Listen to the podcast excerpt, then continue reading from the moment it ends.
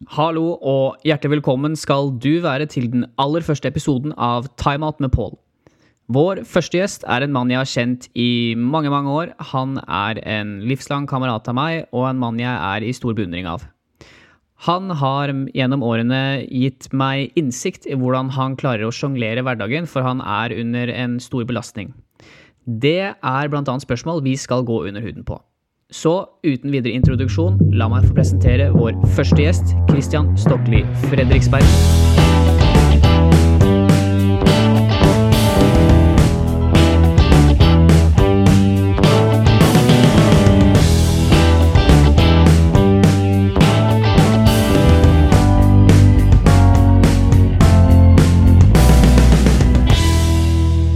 Ja, Christian, hjertelig velkommen skal du være. Ja, takk skal du ha, Pål. Hvordan eh, står det til om dagen? Jeg har ikke sett deg på Ja, når er det jeg så deg sist, da?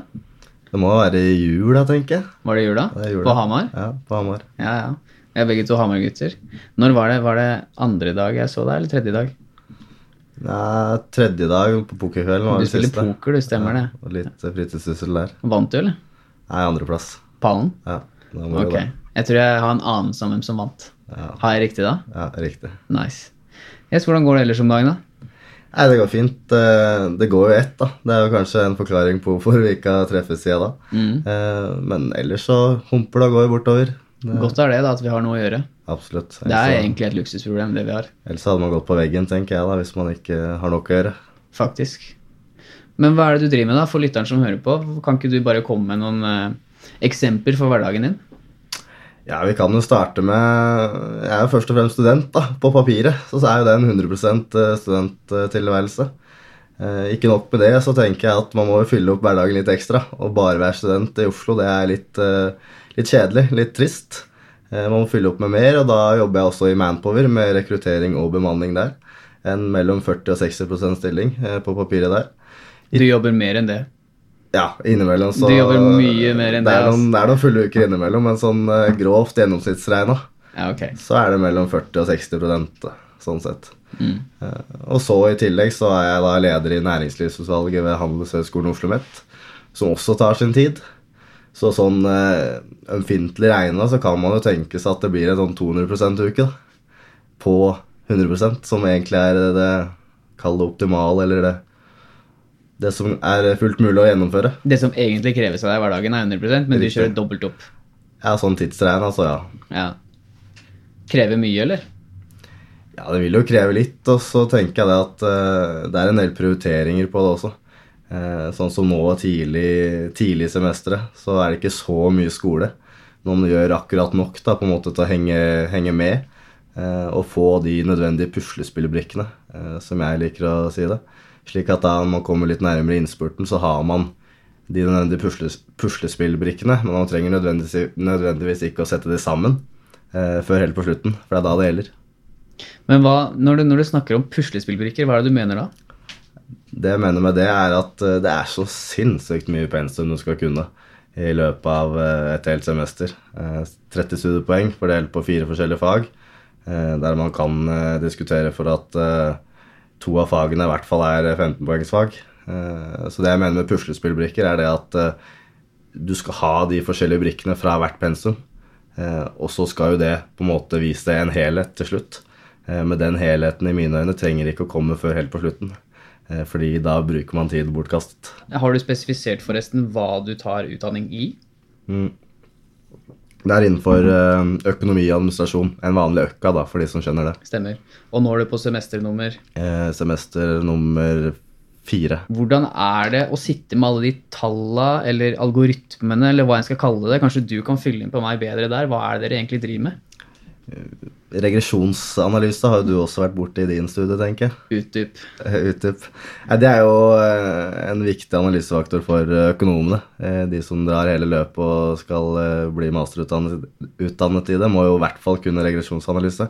Jeg kan det så som så, men du skal jo se sammenhenger og hva som påvirker på en måte ditt og dein. Work in progress. Riktig. Når jeg tok utdanning, det var liksom regresjonsanalyse, dyppa innom det sånn kort med veileder, er det noe vi kan gjøre? Og så fant vi fort ut at det er ikke noe vi kan gjøre, for jeg hadde ikke peiling, jeg hadde ikke, hadde ikke basic kunnskap i det hele tatt.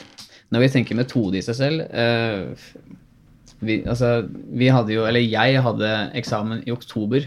Mm.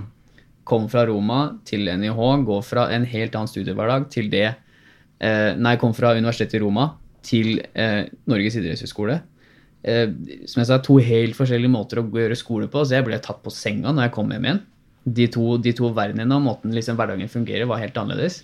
Og det å komme tilbake den derre, kall det strikte, det er ikke nødvendigvis negativt, men liksom det fiktive hvor strukturen er så klar, da, hva vi skal gjøre, det var en overgang. Så når jeg kom, til, når jeg kom da og skulle ta eksamen to måneder etterpå, kunne jo ingenting av metode. Fikk jo det, ikke sant? Mm. Men det betyr ikke nødvendigvis at det reflekterte om min kunnskap når jeg gikk ut i juni når oppgaven var ferdig, når jeg har gjort alt sjøl, når jeg har gått gjennom steg for steg for steg. Mm. Men jeg hadde jo bare boka å lese etter, og det holdt jo ikke i nærheten for meg.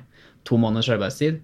Du kjenner meg, jeg jobber lenge med temaet, ikke sant. Får det kanskje ikke til, skjønner det kanskje året etterpå. Du, Husker du når vi gikk på ungdomsskolen, du leste jo bare skulle ha musikkprøve, jeg hadde pugga i to uker, du leste på bussen på vei og fikk bedre til meg ikke sant? på vei til skolen. Jeg Var heldig. Heldig der. Veldig heldig. Men eh, vi må ta opp en ting til. Fordi du, du og jeg har jo ca. samme utdanning. Du har en mastergrad i coaching og idrettspsykologi fra Norges idrettshøgskole, men du går nå ØKAD. Riktig. Hvis jeg har tatt den forkortelsen riktig. Riktig. ØKAD. Hvordan har den overgangen vært? Den overgangen, da um for å starte Jeg kan ta eksempler med første skoledag. Mm. Eh, da vi skulle ha forkurs i matematikk. Eh, fordi matematikk er en stor del av det å gå ØKAD. Det er jo selve kjernen.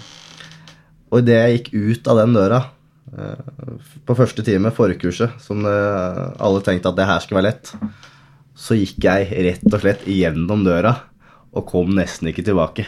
Såpass stor omveltning på tankesett og hvordan man skulle på en måte håndtere den nye kunnskapen og det fagområdet som man gikk inn i. Eh, det var en stor endring, akkurat det. Klarer du å utdype det der, eller? Jeg jo, jeg, 15, jeg har 15 minutter å gå hjem fra skolen og hjem. Eh, og de 15 minuttene var det ikke mange positive tanker oppi hjernen. Da var det sånn Det var mye som skulle hate, og mye vondt og dritt. Ok. Var det en følelse av fortvilelse, eller hva var det som gikk gjennom hodet ditt? Ja, du går jo på en måte fra et, eh, et, fagfelt der du har mestret mye. Eh, du er vant til å mestre. Og så kommer du inn i en helt ny situasjon der du føler deg blank. Du føler deg naken, rett og slett. Du har ingenting eh, forutsetning og ingenting knagger å henge det læreren snakker om. Å kunne bruke og anvende det. Mm. Og ikke minst resonnere seg fram til spørsmål lærer, lærer stiller i timen. Hadde ikke sjans, vet du. Nei. Men det er ganske interessant det du er inne på nå, fordi eh, ikke sant? Jeg vet jo hvor flink du var, og ikke, du er ikke nødvendigvis ikke flink nå, men altså du, du er flink innen coaching og idrettspsykologi. Samhandling med mennesker, grupper, individer, det er noe du kan. Og du har nå snakka om, eller jeg introduserte deg som lederen for et næringslivsutvalg. Men det er nå en treårsperiode vi snakker om nå, av ditt liv. Og du snakker nå om at det ett steg imellom her nå, så, så, var det fra en følelse av en god, altså en god følelse to-tre år siden. Du har en god følelse nå, men midt imellom der så snakker du om fortvilelse og nakenhet. Mm. Hva er det for noe? Det er rett og slett når du ikke strekker til de kravene du selv først og fremst setter. Det var ingen andre som satte noe krav på meg at jeg skulle gå og starte på en økka, og jeg skulle mestre det. Eh, men jeg tror jo det at det er mye innvendig i meg selv og den standarden jeg hadde satt da i løpet av de fem årene i studiet, at den, den, standarden skal i hvert fall ikke senkes. Den mm. skal jo videreholdes og helst økes enda mer. Eh, så er jo den først og fremst den følelsen da, som jeg tror at uh, bidro til mange av de negative tankene. Hvilken følelse da? Det at man ikke strekker til. At mm. man uh, ikke er god nok uh, overfor seg selv og det man ønsker å få til. Men du går også inn på krav her nå. Mm. Altså standarder som du har satt for deg selv. Ja. Hvor er det de kommer fra? De kommer jo langt der inne. I, i magen, i hjernen. Man ønsker å få til ting. Ja. Eh, fordi man kanskje da ønsker å opprettholde et eh, bra selvbilde og et bilde utad. At man fortsatt er dyktig. Man fortsatt kan ting. Eh, kunnskap er jo på en måte mye makt. Kunnskap er en, en bekreftelse på at man får til ting. Så er jo kanskje det der det ligger i bunn og grunn. Mm. Og det at du faktisk har erfaringer, for jeg kan tenke meg du har høye erfaringer fordi du har hatt positive opplevelser tidligere. Eller litt som, litt som vi snakka om litt i stad, det der med at negative opplevelser blir til positive erfaringer. Det å møte motgang nå, nå, kan ikke jeg, jeg kan ikke svare for deg der, men altså, du har jo tydeligvis noen erfaringer som tilsier at standarden din blir sådan. Mm. A lik B.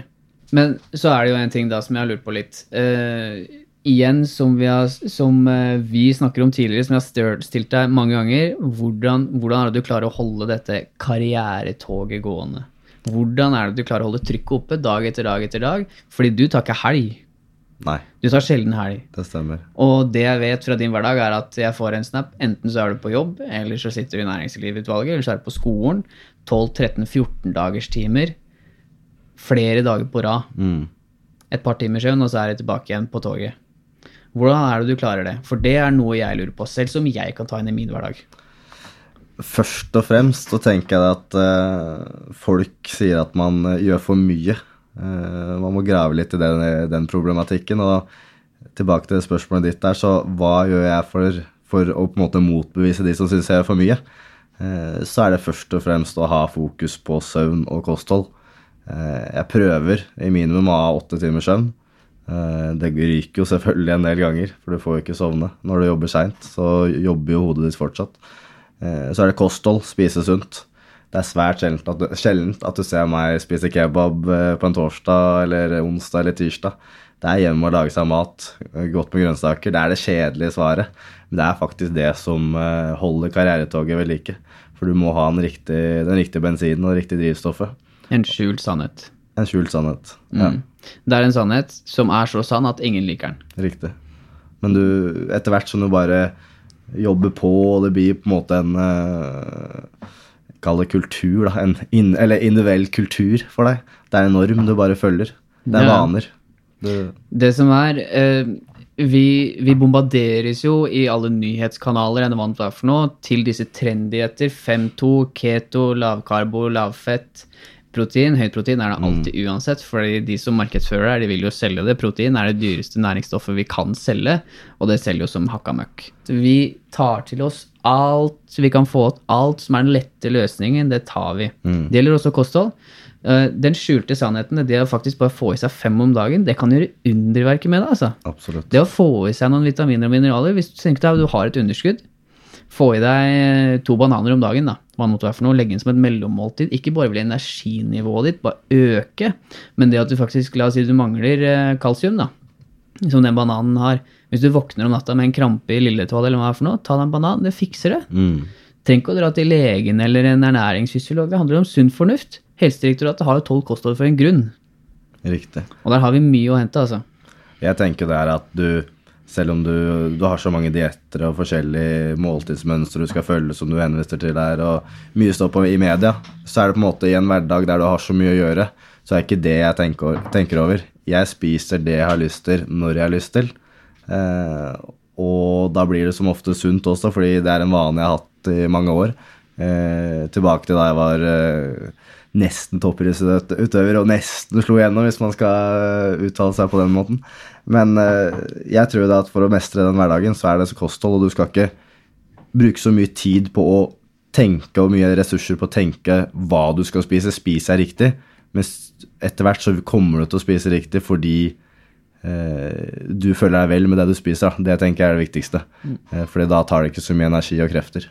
Altså, det er absolutt en kombinasjon du skal klare å opprettholde der, men det å faktisk du må, jo, du, må, du må jo til en viss grad like maten du spiser. Absolutt. Altså, det, det er alfa og omega, men det skal heller ikke være så vanskelig. Sånn som olivenolje. Det å bruke, betale 20 kroner mer da, for en litt bedre olivenolje eksempel, i maten din, hva det måtte være for noe, kan gjøre underverker. Noe som også gjør at du får en god opplevelse med det.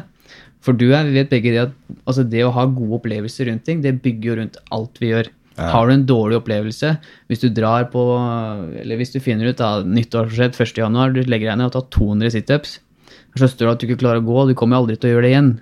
Eller gjør det i hvert fall ikke før neste, neste januar neste år. Henger du med?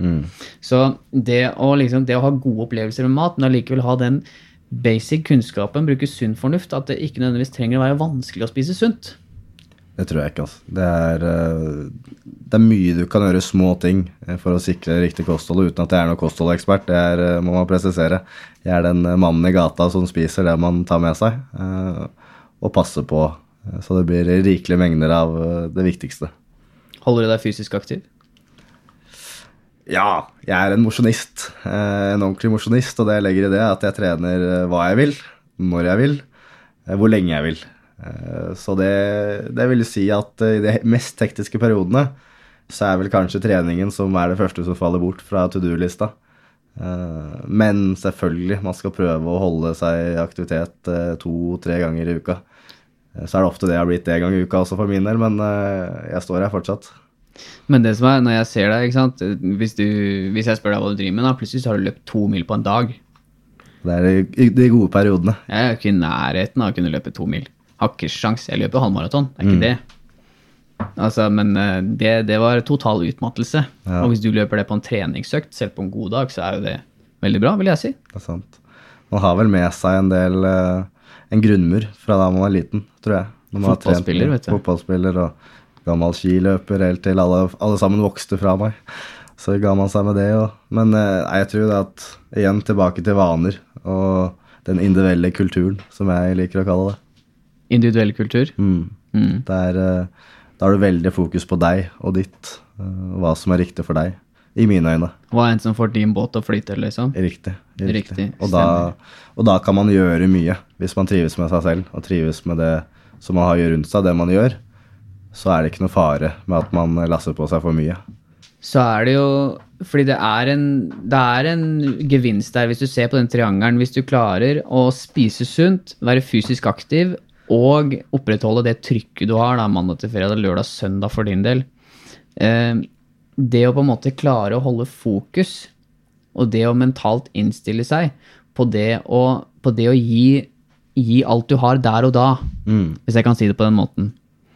Eh, det at du klarer å holde fokus, det at du gir kroppen riktige, du, du gir kroppen riktig næring, eh, og at du i det hele tatt får nok søvn og alt det som måtte, det, alt det måtte komme inn der.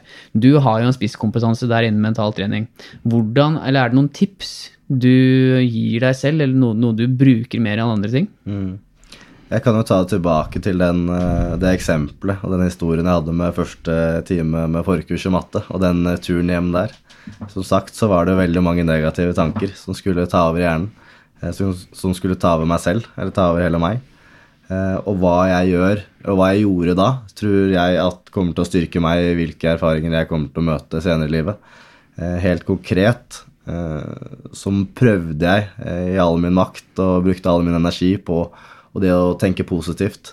Tenkte litt lenger frem i tid. Greit, jeg hadde det ganske ille der og da, men sett i det store og hele bildet så var jo ikke det noe superkrise. Man skal, være, skal jo være forsiktig med å bruke ordet krise.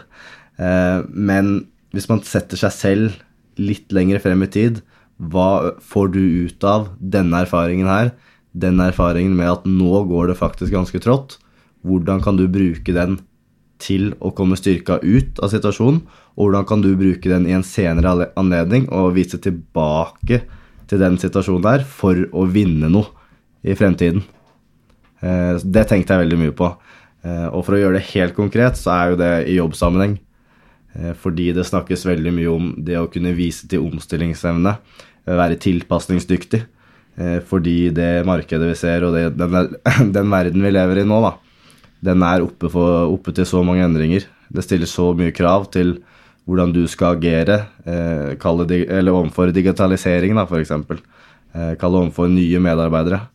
Eh, så hvis jeg da ikke klarte i den situasjonen å komme på rett kjøl, eh, og få skuta tilbake på sporet og måtte mestre den situasjonen, hvordan skal jeg klare alle de fremtidige situasjonene? Eh, og sett tilbake på den situasjonen, så jeg er veldig takknemlig for at jeg hadde med meg den, de verktøyene jeg hadde, med tanke på mentaltrening. Eh, et triks jeg brukte veldig mye, var å knipse. Eh, for det funker for meg. Med en gang jeg fikk en negativ tanke, eh, så knipset jeg. Og så skulle jeg endre den setningen som var negativ, skulle jeg endre til noe positivt.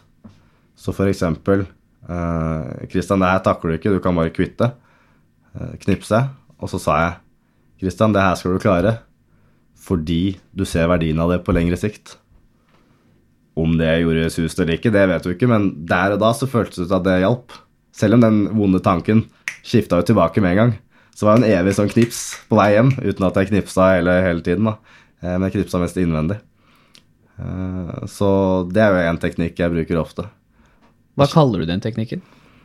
Skifteteknikk, du, jeg husker ikke helt eh, terminologiske begrepet for det, men jeg bruker skifteteknikken. Skifter fra negativ til positiv. Er det som en type indre dialog med deg selv? Ja, du, du bearbeider deg selv. Eh, Så kan man også bruke ytre omgivelser. Du kan få, på en måte, Hvis du er på fotballbanen, da, at du ser på stolpen med en gang du har gjort en feil. Ser på stolpen, prøver å eh, Eller bruker den stolpen som et tegn på at nå skal du tenke annerledes, du skal tenke fremover. Men det går jo ikke i hverdagen. Da må du ha noe lettvint, og et knips har du alltid med deg. Er det Karoline Dyri Breivang hun håndballspilleren heter? Hun gamle nummer åtte? Ja. Håndballandslaget? Riktig. Hun tegna alltid et kryss på håndleddet sitt, har jeg hørt. Mm. Riktig. Jeg har ikke, ikke at jeg har zooma inn på TV-bildene for å lete etter det krysset, men hun hadde i hvert fall et kryss et eller annet sted. Det er det For det betydde gate. Mm. skifte. Hva kalte du det for noe? Det er det samme gate. Skifteteknikken er mitt, uh, mitt ord for det. Mm. Eh, Det heter jo helt sikkert noe annet også. Den andre mentale treningsteknikken, da, visualisering. Mm. Bruker du det mye, eller? Ikke så veldig mye, egentlig. Eh, Det nærmeste jeg kommer visualisering, er eh, refleksjon. Eh, Det bruker jeg veldig mye. Å tenke over situasjoner som kan oppstå. Der blir det på en måte at du ser deg selv i de situasjonene, og hvordan du skal håndtere de. Men hvis vi skal dra tilbake til litt guttastemning da, med visualisering Hvis du konkurrerer, så ønsker du å vinne over eh, kompisene dine. Eh, Også det lille man kan fra, eller det man kan fra mentaltrening, så bruker man en visualisering da. eh, For å f.eks. treffe den dartpilen i eh, trippel, eh, trippel 20. Eh, Du ser for deg, du får den godfølelsen. Så skal du gjenskape det. Men som sagt, visualisering er noe du skal ha drevet med mye for å mestre det, og kunne ta det opp i alle situasjoner. Og i hvert fall når det blåser eh, som hardt eh, mest rundt deg. Eh, Du er, ikke, du er ikke god visualiserer hvis du bare gjør det litt her og der. Du skal trene på det. eh, Vær bevisst. Så det er jo bevisstheten alt ligger i. Du skal være bevisst på det du gjør. Så du snakker om at det er disse mentale treningsteknikkene de er like trenbare som hvilken som helst fysisk egenskap? De kan trenes, absolutt. Det, det kreves, eh, kreves en del, akkurat som at hvis du skal gå Birken på ski, så skal du gå en del turer. Eh, Samtidig skal du bli sinnssykt god mentalt. Så skal du trene deg veldig spesifikt over lengre tid også, med dyktige folk rundt deg. Eh, Det står jo så mye og så mangt i forskjellige bøker eh, på nettet. Men du skal, du skal ha dyktige folk rundt deg der også. Det er, en, eh, det er en grunn for at mange av de toppidretts, toppidrettsmiljøene i verden har fulltidsansatte mentale trenere. Og så er det noen som ikke tror helt på det også. Altså, det er jo smak og behag i det her òg. Men du har fullstendig klokketro på at mental trening det er noe som funker? Ja, så lenge det blir brukt ordentlig. eh, Så lenge den som skal få det, eller på en måte tilegne seg de teknikkene, blir, blir vel mer riktig å si, eh, så lenge de er mottakelige for det og går eh, 100% inn for det. Da kan det ha en eh, effekt. Men hvis jeg skal prøve å resonnere det, hvis jeg skal prøve å resonnere poenget av det du har sagt nå, så er det jo det at den, indre, den positive indre dialogen du har med deg sjøl, det er det aller viktigste å ha med deg i hverdagen. Ja, Eller i hvert fall det evnen å omstille en negativ til en positiv en. riktig. For min del så verdsetter jeg det veldig mye. Det er uh, noe jeg har tjent på, og kommer til å tjene på, jeg er ganske sikker. Mm. Uh, det går også på et fagbegrep eller faguttrykk som heter eh, coping, hvis du har hørt om det. Ja, ja. Ja. Eh, Men du kan gjerne utdype hvis du vil det. ja. Det er hvordan du eh, atferdsmessig og kognitivt, for å bruke de ordene, eh, håndterer eh, ulike situasjoner. Eh, den mest gjenkjennelige eksempelet på det er eh, fight or flight i en situasjon. Skal du gjemme deg, skal du rømme, eller skal du ta opp kampen idet det skjer en uventet situasjon eh, der du begynner å føle stress, eh, der ting blir ubekvemt? Hva gjør du da? Det er et, på en måte et 'hva gjør, gjør du da?' det spørsmålet. Der, det sitter veldig i meg. Eh, fordi jeg vet at jeg kommer til å havne i mange ubekvemme situasjoner eh, fremover. Eh, Om det er et jobbmøte, jobbintervju, om det er et møte på gaten, alt, alt mulig. Hva gjør jeg da? Og da har jeg lyst til å være han som aktivt tar del og aktivt bruker mine ressurser til å komme styrka ut av det. Jeg skal vinne, hvis man kan si det på den måten. Eh, ikke vinne for enhver pris. Jeg skal ikke trøkke ned de andre eh, hvis man må tape og vinne på den måten. Men eh, personlig så skal jeg komme vinne ut av det, enten med et læringsutbytte i form av erfaringer. Eh, læringsutbytte i form av at jeg Ok, greit, jeg klarte det ikke. Eh, Men da skal jeg fortsatt kunne finne noe positivt fra den ikke-mestrende situasjonen og ta med seg videre. Kontra det at hvis man ikke angriper den situasjonen og bruker en, eh, en flight, en rømnings, eh, et rømningstiltak, så vil du ikke sitte igjen med noe. Så jeg tror det at man alltid har noe å tjene på i hver situasjon. Men det som er, du er nå inne på du, du begynner, Nå begynner du å snakke om målsetning, personlige mål. eller altså, hva er, det du, hva er det du vil med det her? For du snakka om at du skal ha lærdom hele tiden. Jeg er akkurat sånn som deg. Jeg tenker den, der, den, in, den positive indre dialogen jeg har med selv Jeg har vært gjennom så mye dritt i oppveksten min, så på en måte jeg har, jeg har liksom vært nede i sumpa der, jeg veit hvordan det ser ut. Jeg vil ikke ned dit igjen. Jeg gidder ikke. Det er ikke verdt det. Det er ikke, det er ikke liv laga der nede. Det er, et, eh, det er fem pils og et dårlig vorspiel der nede. Når du går hjem fra vorspielet og tenker dæven døtte, dette var ikke noe moro i det hele tatt. Skulle gjerne ikke ha gjort det.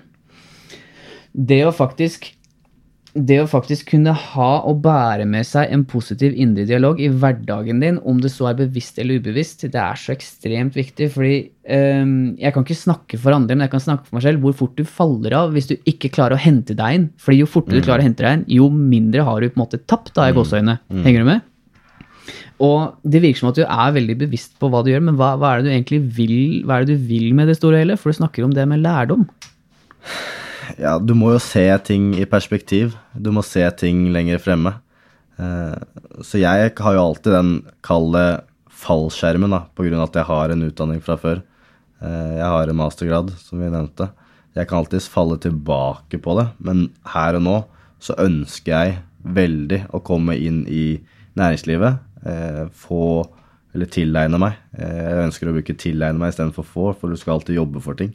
Eh, å komme inn i næringslivet i en, en HR-rolle, fordi det knytter opp det jeg har gjort før, med tanke på trenerrollen, psykologien, coachingen, og knytte det sammen med den nye utdannelsen min nå innenfor ØKAD. For du skal også ha et forretningsorientert tankesett inn i HR-rollen. Så det er jo den store målsetningen min for hvorfor jeg den dag i dag tar en ny bachelor og går på et nytt studieløp. Eh, Fordi jeg ønsker meg dit. Eh, Og uansett hvor mørke dager man har underveis da, eh, hvor mange eksamensperioder man må på ny gå gjennom og pine seg gjennom lange dager, så er det alltid det å, som du er inne på også, snu den negative tanken, de negative stemmene, og klare å se der fremme, fremme i horisonten. Eh, Bruke, bruke bildet Du skal se lyset. Lyset er foran der, men lyset er ikke der hvis du ikke har sett, eh, satt opp lyset. Hvis du ikke vet hva lyset er, så er det bare mørkt. Og da kan det gå nedover. Absolutt. Men sånn personlig, nå, du, du snakker jo om på en måte business-siden, kan jeg kalle det business? Absolutt. Den, eh, den, eh, den, den sosiale personen, vi ser Christian utad. Men hvis jeg skal gå under huden, hva er det du vil med det store og hele? Rent personlig så Ja. vil det jo Jeg vil lykkes. Jeg vil skape en forskjell. Eh, Jeg vil skape verdi for andre. Eh, Og det er det jeg drives av. Eh, Jeg vil ikke bare ha den tittelen for å ha den tittelen. Men jeg skal på veien, er jeg i hvert fall bygd, da. At jeg, jeg skal kalle strø rundt meg med goder som kommer andre til gode. Eh, Fordi jeg skal ikke gå den veien aleine. Jeg må ha med meg folk. Eh, Og for å ha med meg folk, så må jeg gi de goder. Eh, Og da vil de gi tilbake. Så vi Du kan gå fort til et mål, men du kan ikke gå fort og langt til et mål aleine. Da må det være flere. Jeg er helt enig, sånn som podkasten her hadde aldri skjedd hvis ikke jeg hadde hatt et team med meg. Ikke sant? Håkon Andreas shouta til de. Hadde aldri skjedd. Og hadde ikke jeg kjent deg heller, så hadde ikke du heller sittet her. Hvis vi skal tenke litt sånn uh, i retrospekt, hvor vi har vært, hvor er vi nå, hvor er vi på vei igjen? Hvordan ser du Fordi vi, vi, må komme vår, vi må komme vår stemme, vi òg. Jeg sier ikke her, vi, vi, vi, vi tar fra oss alt ansvar når det gjelder det å være eksperter. eller noe som helst. Vi sitter her som to ungdommer i 25-årsalderen og lurer på hva i alle dager er det som skjer i hverdagen vår. Mm. hva skjer i Oslo, i Norge, Europa verden? Uh, hvordan ser du for deg at, at hverdagen vår kommer? Er det noen endring som kommer? Veldig åpent spørsmål. Ja. Vanskelig, men jeg har lyst til å stille deg det. Fordi jeg så på respekt for deg, og jeg vet at du, du tenker ganske klart. Så jeg tenker her kommer det et ganske bra svar. Hvordan ser du for deg, Apropos å legge press. apropos å legge press, Mm. Jeg tror du, du er inne på noe der. Hva, hva kommer? Hva ser vi fremover mot? Eh, og jeg tror det at det kommer et enda mer press eh, når du nevner det at eh, det er åpent spørsmål til meg. Eh, så vil du også bli stilt for i hverdagen store spørsmål. Hva vil du med livet? Eh, tilbake, eller ikke tilbake til, men en henvisning til eh, kloden vår, f.eks. Bærekraft. Det er jo et fokusområde som har tatt mye plass de siste årene, og kommer til å ta, til å ta enda mer plass fremover. Du ser jo det f.eks. For, for å dra det til businessverden. Eh, Så er alle bedrifter, eller ikke alle, da, men de fleste de som skal skape konkurransefortrinn, de må fokusere på bærekraftige løsninger i deres leveranser, i deres produksjon, for å stille konkurransedyktig opp mot de andre.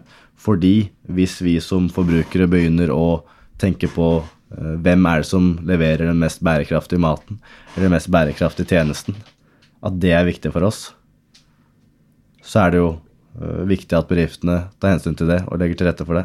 Så det er på en måte en, eh, en vei vi kommer til å gå og se mer av fremover.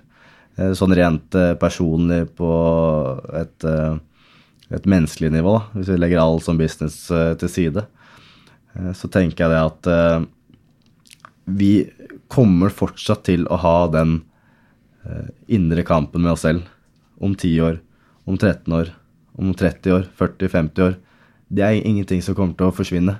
Vi kommer ikke til å få noen teknologiske løsninger, tror jeg, som kommer til å løse den. Det er ikke noe quick fix på det med mentale problemer, eh, hvis man skal bruke ordet problemer, men mental helse.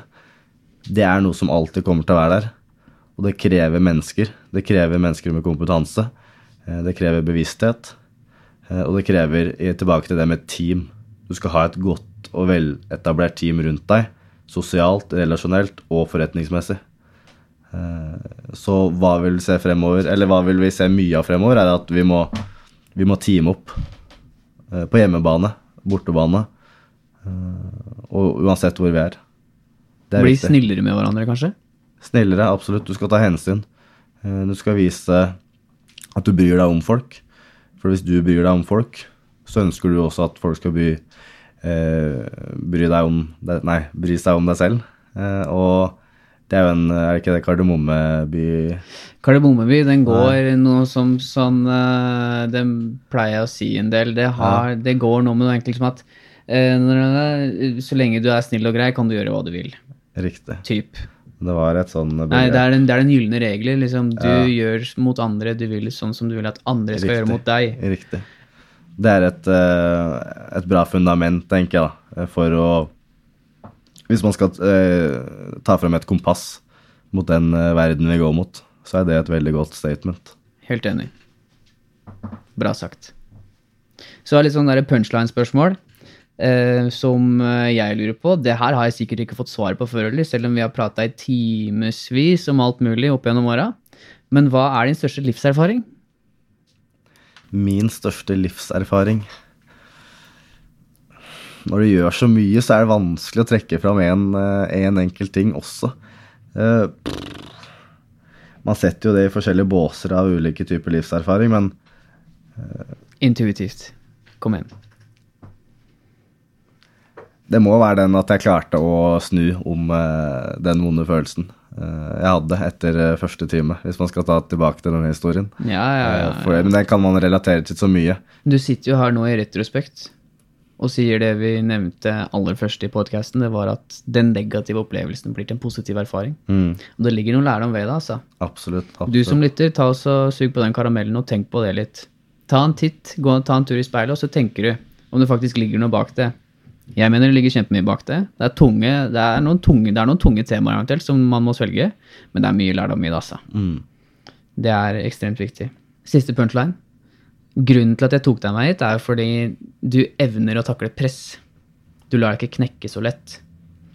Så har du et tips for den som vil kartlegge hverdagen sin bedre?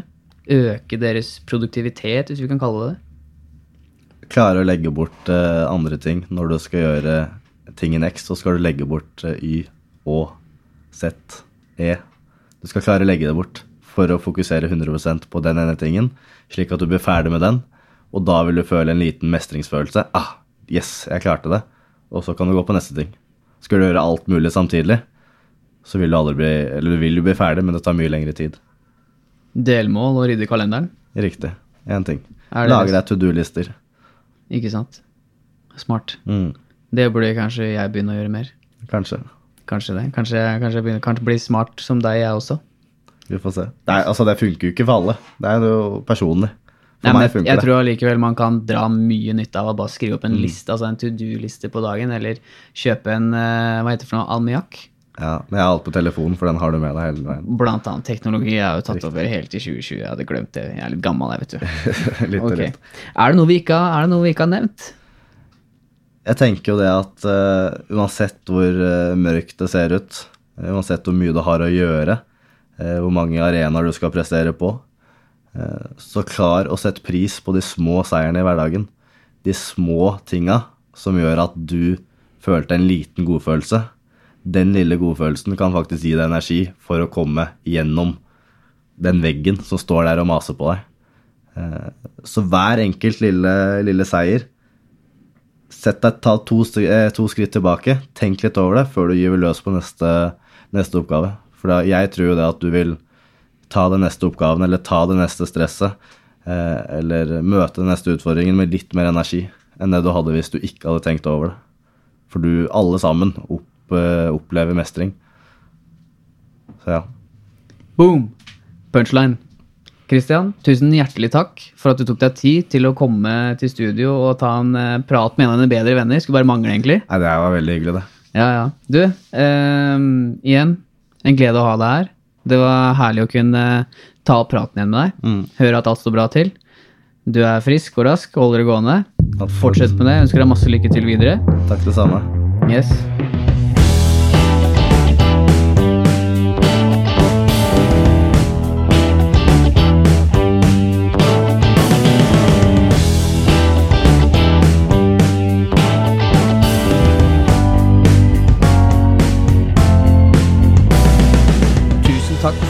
Deg tid til å høre på episoden. Det var en fin prat. Vi, eh, vi måtte bruke litt tid i starten for å komme i gang, men eh, det kom seg utover. Igjen, takk for at du hørte på, så høres vi neste gang. Ha det bra!